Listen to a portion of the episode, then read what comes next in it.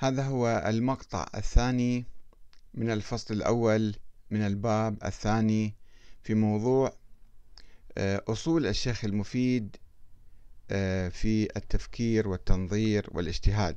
تحدثنا في المقطع الأول عن أصل القرآن الكريم ونتحدث هنا اليوم عن التواتر عن أصل الحديث. آه، التواتر وأخبار الآحاد. بالنسبة للتواتر يقول الشيخ المفيد أن الحجة في الأخبار ما أوجبه العلم من جهة النظر فيها بصحة مخبرها ونفي الشك فيه والارتياب. وكل خبر لا يوصل بالاعتبار إلى صحة مخبره فليس بحجة في الدين ولا يلزم به عمل على حال.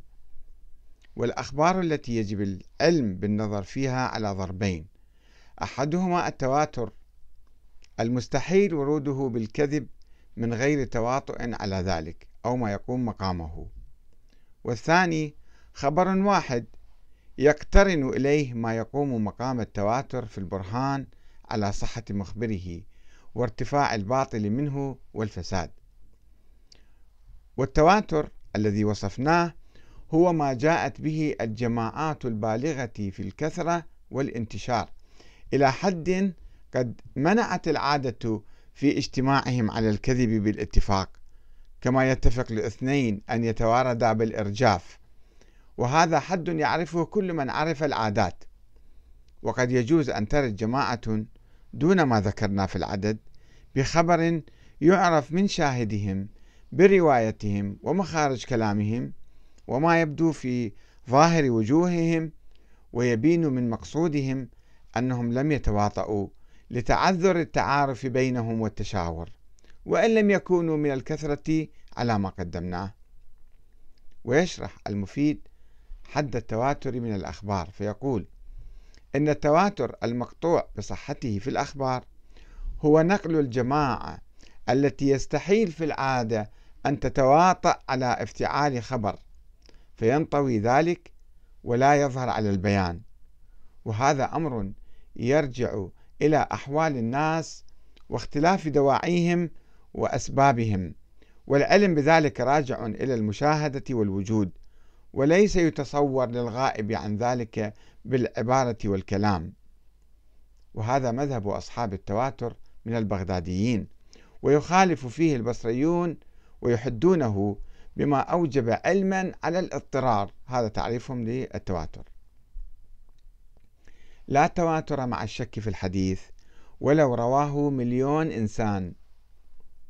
ويلجأ المفيد إلى التمسك بالتواتر وتعريفه بالعلم الاضطراري في رده على الفرق الشيعية المختلفة التي تشعبت عن الخط العام للتشيع عبر التاريخ وقيامها بإنكار بعض الضروريات كوفاة بعض الأئمة كالسبئية الذين أنكروا وفاة الإمام علي أو الإمام الحسين.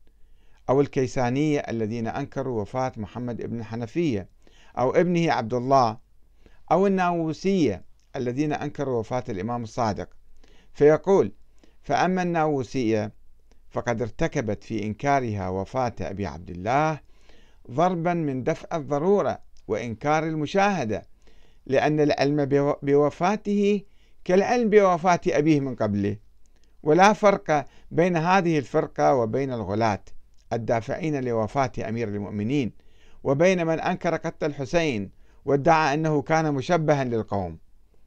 وأما الخبر الذي تعلقوا به فهو خبر واحد لا يوجب علما ولا عملا ولو رواه ألف إنسان.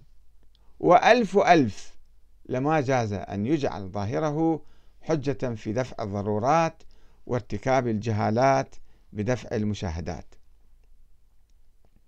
القول في أخبار الآحاد. وبناء على الموقف السلبي من أخبار الآحاد يقول الشيخ المفيد أنه لا يجب العلم ولا العمل بشيء من أخبار الآحاد ولا يجوز لأحد أن يقطع بخبر الواحد في الدين إلا أن يقترن به ما يدل على صدق راويه على البيان. وهذا مذهب جمهور الشيعة وكثيرا من المعتزلة والمحكمة وطائفة من المرجئة وهو خلاف لما عليه متفقهة العامة وأصحاب الرأي اللي يعني يقول يقبلون بخبر واحد ويعملون به. ويضيف المفيد أن العلم بصحة جميع الأخبار طريقه الاستدلال وهو حاصل من جهة الاكتساب النظر يعني. ولا يصح وقوع شيء منه بالاضطرار والقول فيه كالقول في جملة الغائبات. وإلى هذا القول يذهب جمهور البغداديين ويخالف فيه البصريون والمشبهة وأهل الأخبار. الموقف من الروايات الواردة عن أئمة أهل البيت المختلفة الظواهر. ويقول للشيعة أخبار في شرائع مجمع عليها بين عصابة الحق وأخبار مختلف فيها. فينبغي للعاقل المتدبر أن يأخذ بالمجمع عليه كما أمر بذلك الإمام الصادق. ويقف في المختلف فيه ما لم يعلم أو ما لم يعلم حجة في أحد الشيئين منه ويرده إلى من هو أعلم منه ولا يقنع منه بالقياس فيه. دون البيان على ذلك والبرهان فإنه يسلم بذلك من الخطأ في الدين والضلال إن شاء الله.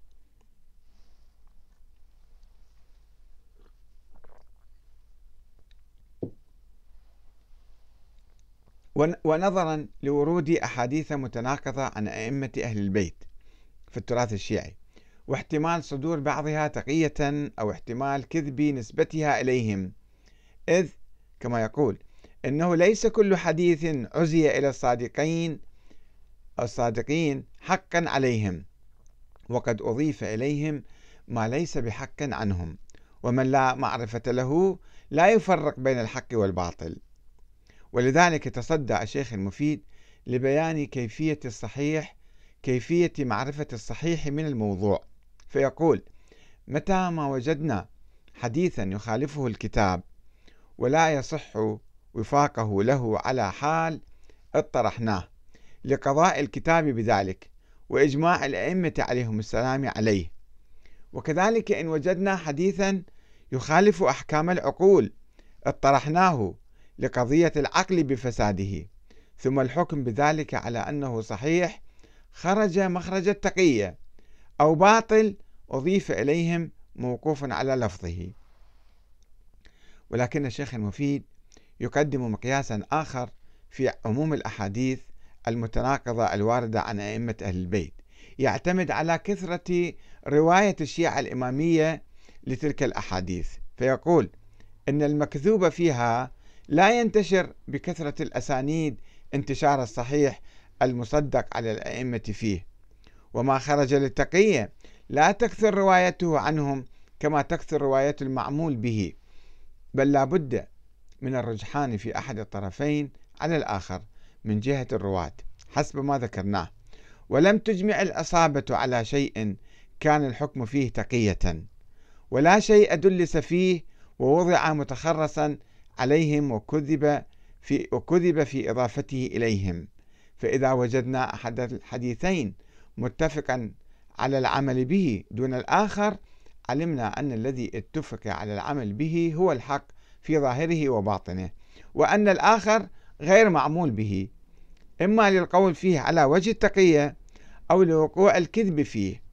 وإذا وجدنا حديثا قد تكرر العمل به من خاصة أصحاب الأئمة في زمان بعد زمان وعصر إمام بعد إمام قضينا به على ما رواه غيرهم من خلافه ما لم تتكرر الرواية به والعمل بمقتضاه حسب ما ذكرناه.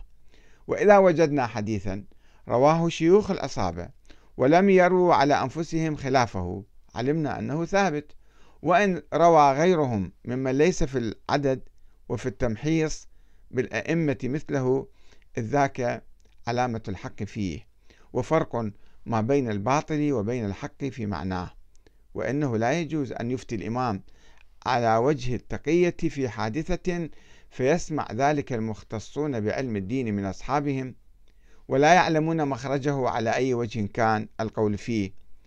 ولو ذهب عن واحد منهم لم يذهب عن الجماعة لا سيما وهم المعروفون بالفتيا والحلال والحرام ونقل الفرائض والسنن والأحكام فهذه جملة ممن طوت ما انطوت عليه من التفصيل تدل على الحق في الأخبار المختلفة.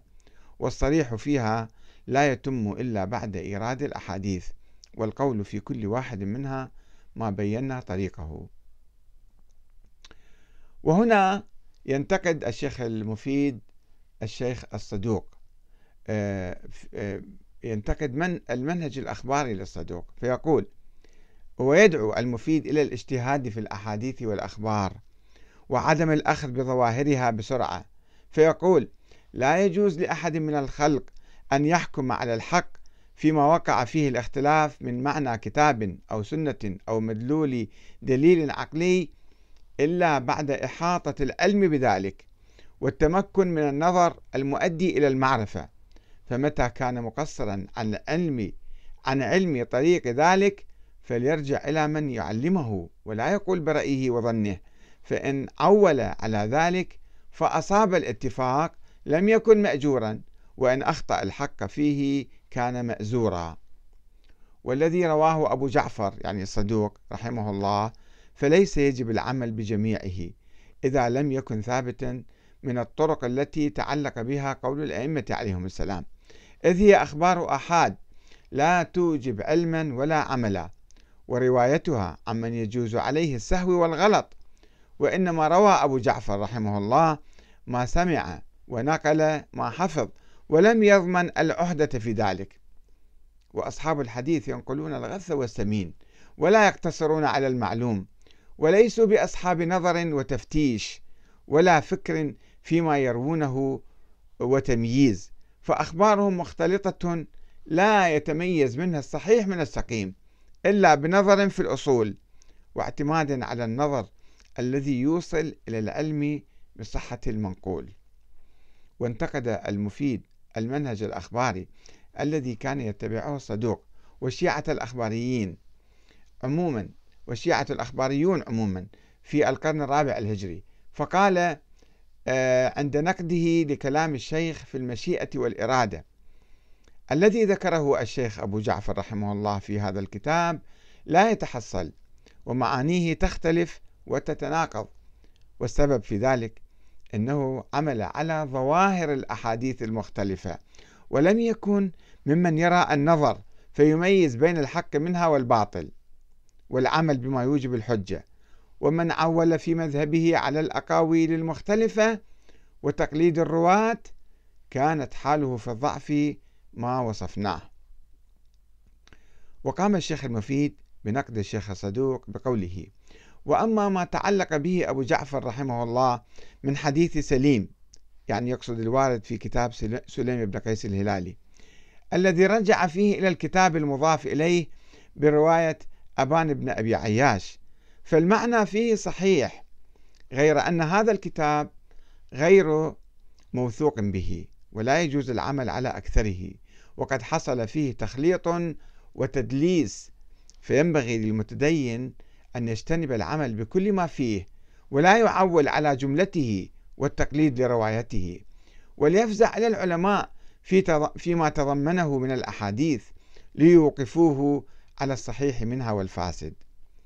ووجه المفيد اتهاما للصدوق بالعمل على منهج أصحاب الحديث وذلك في إطلاقه القول بالتقية وعدم ملاحظة الواقع الذي لا يوجب التقية في كل ظرف وكل زمان ومكان. يقول نظرا لتمسكه بالمنهج الأخباري وقال لكنه على مذهب أصحاب الحديث في العمل على ظواهر الألفاظ والعدول عن طريق الاعتبار وهذا رأي يضر صاحبه في دينه ويمنعه المقام عليه عن الاستبصار.